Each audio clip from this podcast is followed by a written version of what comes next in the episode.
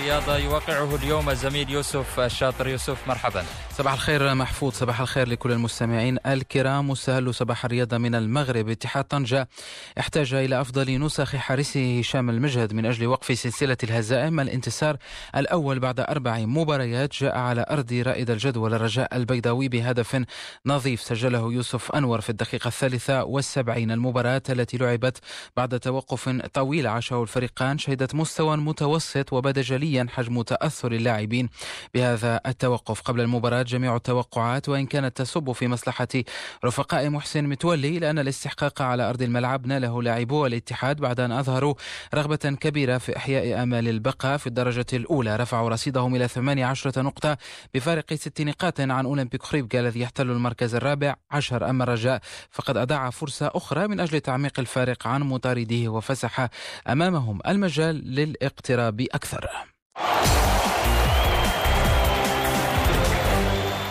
كرة القدم الأوروبية الآن ونستهل حديثها من برشلونة. قضية الأرجنتيني ليونيل ميسي ما زالت تسيطر على أجواء كاتالونيا. اللاعب الذي تقدم بطلب فسخ عقده مع النادي الكتالوني قد يقرر اليوم مصيره بشكل رسمي. في الأرجنتين تحدث الصحفي مارتن أريبالو والمقرب من العائلة ميسي عن إمكانية بقاء اللاعب هذا الموسم لاستكمال عقده الذي ينتهي شهر يونيو من العام المقبل. في إيطاليا قدم يوفنتوس رسميا نجمه البرازيلي الجديد أرثور ميلو لوسائل الإعلام وتحدث ميلو عن أهمية انتقاله إلى اليوفي كخطوة إضافية في مساره الكروي. يوفنتوس الذي يواصل من جهة أخرى بحثه عن تعزيز صفوفه من خلال اقترابه من التعاقد مع الأوروغوياني لويس سواريز الذي يهدف لفسخ عقده مع فريقه برشلونة.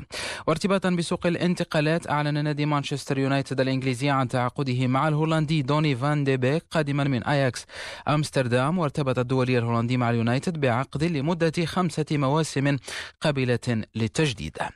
في فرنسا أعلن نادي باريس سان جيرمان الأربعاء عن إصابة ثلاثة لاعبين في صفوفه بفيروس كورونا المستجد دون الكشف عن أسمائهم. ونشر النادي الباريسي عبر تويتر لقد تأكدت إصابة ثلاثة لاعبين بفيروس كورونا وهم يخضعون لبروتوكول صحي مناسب. أما التسريبات الخاصة بوسائل الإعلام المقربة أكدت أن الأمر يتعلق بالثلاثي البرازيلي نيمار جونيور الأرجنتينيين ليوناردو باريديس وأنخيل دي ماريا. وسيغيب بالتالي اللاعبون ثلاثة عن المباراة الأولى للنادي في الدوري الفرنسي في العاشر من الشهر الحالي أمام لونس. وقبل أن نطوي صفحة كرة القدم اليوم تعود الحياة لمسابقة الأمم الأوروبية التي تشهد صداما مثيرا بين إسبانيا وألمانيا لحساب المجموعة الأولى كما تلتقي أوكرانيا بسويسرا.